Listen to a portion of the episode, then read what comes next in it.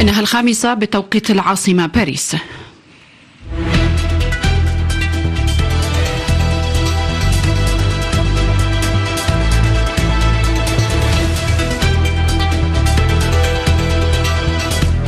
نشرة جديدة لآخر وأهم الأخبار معك أدم دبيرة صباح الخير أدم. صباح الخير شيرين. طب صباحكم مستمعينا الكرام في أبرز عناوين هذه النشرة. الجيش الإسرائيلي يكثف من ضرباته على رفح بجنوب قطاع غزة وواشنطن تحذره من حدوث كارثة في حال شنه لعملية عسكرية هناك. جولة جديدة من المحادثات غير المباشرة في القاهرة برعاية مصرية قطرية للتوصل إلى هدنة بين إسرائيل وحماس واجتماع وزاري تشاوري في الرياض يشدد على ضرورة وقف إطلاق النار في غزة. في النشرة أيضا رئيس المفوضية الأوروبية والحكومة الإسبانية يتعهدان من نواكشوط بدعم مالي لموريتانيا لتعزيز تنميتها ولمساعدتها في التصدي للهجرة غير النظامية. مونتي كارلو الدولية نشرة الأخبار. مرحبا بكم. البداية من التطورات في قطاع غزة. الجيش الإسرائيلي كثف في الساعات الأخيرة من ضرباته على رفح غداة إعلان رئيس الوزراء بنيامين نتنياهو أنه أمر الجيش بالتحضير لهجوم على هذه المدينة الواقعة على الحدود مع مصر. الأمر الذي ضاعف من المخاوف على مصير أكثر من مليون نازح فلسطيني ووسط ظروف يعيشون وسط ظروف إنسانية ومعيشية صعبة جدا بحسب الأمم المتحدة. من غزة عدل زانون. رفح الملاذ الأخير بالنسبة للنازحين الذين لا زالوا يتزايدون مع استمرار القصف الإسرائيلي وتفجير عشرات المنازل والبنايات في خان يونس لكن الجيش الإسرائيلي ضاعف من ضرباته الجوية والبحرية والبرية على رفح ما سلب المدينة والمخيم. الأمان الذي يبحث عنه نحو مليوني نازح وزاد من الصعوبات والضغوطات عليهم. النازحون الذين اضطرتهم الهجمات الإسرائيلية للجوء إلى رفح في وقت لم يجد يجد أكثر من 200 ألف نازح منهم خياما ولا مكان للإيواء بحسب لجنة الطوارئ في رفح والتي تقول إن الوضع الإنساني كارثي مع ازدحام مراكز الإيواء بأربعة أضعاف طاقتها ولا تستطيع الأونروا توفير الطعام ومياه الشرب والدواء لهم في ظل مساعدات لا زالت شحيحة تلك التي تعبر يوميا من مصر إلى القطاع ويضاف إلى كل هذه المعاناة تفشي الأمراض المعدية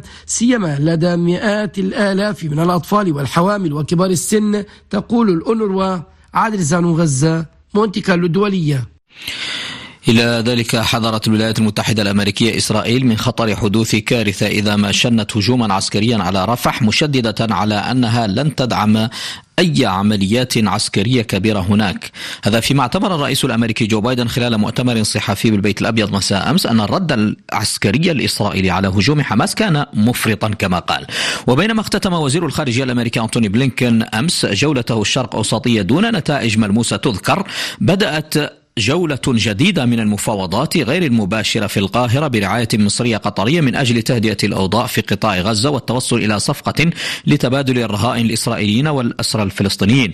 هذا فيما شدد وزراء عرب خلال اجتماع تشاوري بالمملكة العربية السعودية على ضرورة وقف إطلاق النار في غزة. من الرياض أحمد الدحاني في اجتماعهم الثاني للجنة المنبثقة عن القمة غير العادية العربية الإسلامية التي عقدت في الرياض ناقش اجتماع وزاري تشاوري مساء الخميس تطورات الحرب الإسرائيلية في قطاع غزة والجهود المبذولة للتعامل مع تداعياتها الأمنية والإنسانية. أكد الوزراء على ضرورة إنهاء الحرب على قطاع غزة والتوصل إلى وقف فوري وتام لإطلاق النار وضمان حماية المدنيين وفقا للقانون الإنساني الدولي. ورفع كافة القيود التي تعرقل دخول المساعدات إلى القطاع مؤكدين الدعم لوكالة غوث وتشغيل اللاجئين الفلسطينيين الأنروا ورفضهم القاطع لكافة عمليات التهجير القسري للفلسطينيين من قطاع غزة وهو جزء لا يتجزأ من الأراضي الفلسطينية المحتلة. الوزراء هم وزراء خارجية قطر ومصر والأردن والإمارات وأمين سر منظمة التحرير الفلسطينية بالإضافة للداعي وزير الخارجية السعودي. أحمد الديحاني الرياض منتكى للدولية.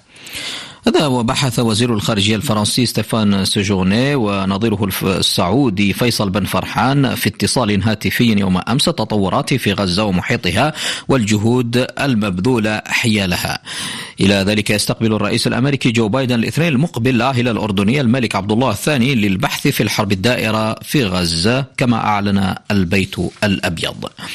وفي خضم ذلك ما زالت التوترات تتصاعد في المنطقة على خلفية هذه الحرب في غزة حيث أصيب مسؤول عسكري في حزب الله بجروح خطيرة جراء ضربة إسرائيلية استهدفت سيارته في جنوب لبنان مع استمرار القصف المتقطع والمحدود بين حزب الله وإسرائيل. من الجنوب اللبناني فالنتينا سمعان ردا على استهداف مقر قيادة تابعة لسكنة كريات شمونة وإصابة جندي. استهدفت طائرة حربية المسؤول عن العملية بحسب إذاعة الجيش الإسرائيلي بغارة شنتها على سيارة في النبطية ما أدى إلى إصابته وشخص آخر كان برفقته. إلى جانب استهداف كريات شمونة نفذ حزب الله ثماني عمليات بصواريخ كاتيوشا بركان وفلق ضد مربض ثكنتين موقعين وقيادة لواء موشات. وردا على استهداف القرى والمنازل المدنية استهدف قاعدة ميرون وموقع الرادار حيث يتموضع الجنود. وردا على الرد أغار الطيران الحربي على عدد كبير من البلدات الحدودية تزامنا مع قصف مدفعي عنيف جدا وتمشيط بالأسلحة الرشاشة الثقيلة في بعضها وانفجر أكثر من صاروخ اعتراضي في سماء الجنوب نتيجة تفعيل القبة الحديدية. فالنتينا سمعان جنوب لبنان مونتي كارلو الدولية. جهة أخرى أعلنت الولايات المتحدة أنها نفذت ضربات استهدفت أربعة زوارق مسيرة مفخخة وسبعة صواريخ كروز كانت جاهزة للإطلاق ضد سفن بالبحر الأحمر من جانب الحوثيين في اليمن. يأتي ذلك فيما اتهمت الحكومة العراقية التحالف الدولي لمكافحة تنظيم الدولة الإسلامية الذي تقوده واشنطن في المنطقة. اتهمته بالتحول إلى عامل عدم استقرار للعراق وذلك غداة الضربة الأمريكية في العاصمة بغداد التي أدت إلى مقتل قيادي في فيصل موال لطهران. فائزة مصطفى. في بيان شديد اللهجة اتهمت الحكومة العراقية على لسان المتحدث العسكري باسمها يحيى رسول التحالف الدولي بقيادة واشنطن بتهديد استقرار البلاد وبخرق السيادة العراقية. كما اتهم التحالف بجر البلاد إلى دائرة الصراع الإقليمي في تعليق على الغارة الأمريكية التي استهدفت كتائب حزب الله العراقي في العاصمة بغداد وتسببت في مقتل باقر الساعدي أحد قيادي هذا الفصيل الذي تتهمه الولايات المتحدة بالموالاة لإيران. يحيى رسول شدد على أهمية إنهاء مهمة هذا التحالف بعدما تجاوز بحسب الحكومة العراقية الأسباب والأغراض التي وجد من أجلها على الأراضي العراقية في الإشارة إلى مهمة محاربة تنظيم الدولة الإسلامية. أما القيادة والمركزية الأمريكية وعلى غرار المرات السابقة بررت ضربتها الجوية الأخيرة بأنها رد على هجمات هذا الفصيل على جنودها في المنطقة وقبل أسبوع شنت ضربات في سوريا أيضا ضد أهداف جماعات أخرى مرتبطة بحسب واشنطن بطهران. كما اتهم الإطار التنسيقي الشيعي الولايات المتحدة بالسعي إلى إضعاف المكون الشيعي في العملية السياسية بالعراق. إلى ذلك أعلنت بغداد أن المحادثات مع الولايات المتحدة الأمريكية ستستأنف الأحد المقبل بهدف مناقشة مستقبل مهمة التحالف الدولي لمكافحة تنظيم الدولة الإسلامية في العراق. تواصلون دائما الاستماع إلى النشرة الخامسة صباحا بتوقيت العاصمة الفرنسية باريس إنها الخامسة والدقيقة الثامنة بتوقيت باريس والرابعة والدقيقة الثامنة بتوقيت نواكشوط اختتمت أورسولا فون دير لاين رئيسة المفوضية الأوروبية وبيدرو سانشيز رئيس الحكومة الإسبانية. اختتما الزيارة التي قادتهما يوم أمس إلى موريتانيا والتي أعلن خلالها عن دعم مالي أوروبي لهذا البلد. حياة السيد بن نواكشوط دعم أوروبي لموريتانيا اختتمت به زيارة رئيس الوزراء الإسباني ورئيسة المفوضية الأوروبية بأكثر من 500 مليون يورو لتعزيز تنميتها الاقتصادية والتصدي للهجرة غير النظامية. الزيارة التي استمرت لساعات شملت مباحثات مع الرئيس الموريتاني أشفعت بمؤتمر صحفي أعلنت خلاله رئيسة مفوضية الاتحاد الأوروبي أن الاتحاد وقع مع موريتانيا وثيقة مشتركة. سيقدم بموجبها دعما لها بقيمة 210 مليون يورو خلال العام الجاري. وأعربت المسؤولة الأوروبية عن تقديرها لإيواء موريتانيا أعدادا كبيرة من اللاجئين الماليين وجهودها في مجال محاربة الهجرة عبر المحيط. المحيط الأطلسي. وقال رئيس الوزراء الإسباني إن بلاده ستخصص 312 مليون يورو لموريتانيا في السنوات المقبلة.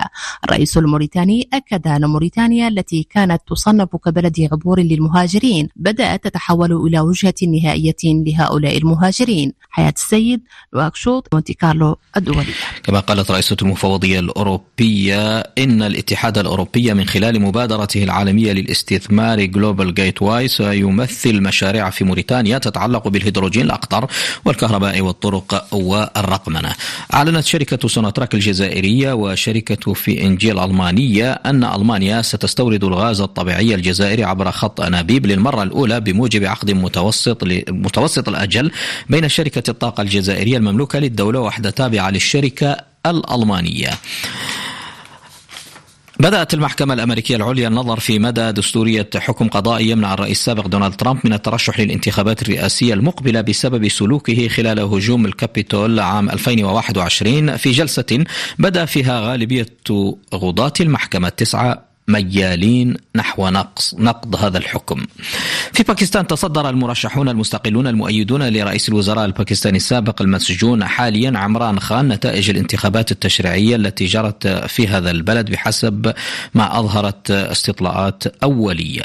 المزيد مع كيلميز زين الدين. حركة الإنصاف الباكستانية التي يتزعمها عمران خان والتي تعرضت لضغوط أدت إلى منعها من خوض الانتخابات كحزب استطاعت على ما يبدو أن تفوز بمقاعد من خلال المرشحين المستقلين بمن فيهم العشرات ممن اختارهم حزب خان وذلك بحسب ما أظهرته النتائج غير الرسمية التي بثتها القنوات المحلية. لجنة الانتخابات الباكستانية من جهتها أعلنت عبر بيانات على موقعها الإلكتروني نتائج أربعة مقاعد بعد فاز حزب رئيس الوزراء السابق نواز شريف باثنين منها فيما فاز مرشحان مستقلان بالمقعدين الآخرين. وقد عزت اللجنة التأخير في إصدار النتائج إلى مشاكل في الإنترنت. ويذكر أنه كان من المتوقع أن يفوز حزب الرابطة الإسلامية الباكستانية جناح نواز شريف بأكبر عدد من المقاعد إذ يؤكد محللون أن رئيس الوزراء الأسبق أبرم اتفاقا غير معلن مع الجيش للعودة إلى رئاسة الوزراء. المحللون يؤكدون أيضا يا لميس أن الفائز في هذه الانتخابات سيرث دولة تعاني انقسامات عميقة واقتصادا منهار وفي باكستان أعلن أفغانستان عفوا أعلن مبعوث الاتحاد الأوروبي الخاص إلى هذا البلد أن تفاؤله ازداد قليلا بشأن إمكان أن تحرز المحادثات تقدما خلال مؤتمر الأمم المتحدة حول البلاد التي لا تعترف أي دولة بحكومتها. في الخبر الثقافي افتتحت أمس الدورة الثانية من مهرجان الكتاب الإفريقي بمدينة مراكش المغربية بحضور عدد من كبار الأدباء والمفكرين والفلاسفة الأفارقة أو من أصول إفريقية. هذا بالإضافة إلى ضيوف دوليين مرموقين. المزيد مع موفدة مونتي كارلو الدولية إلى هناك ميشا خليل.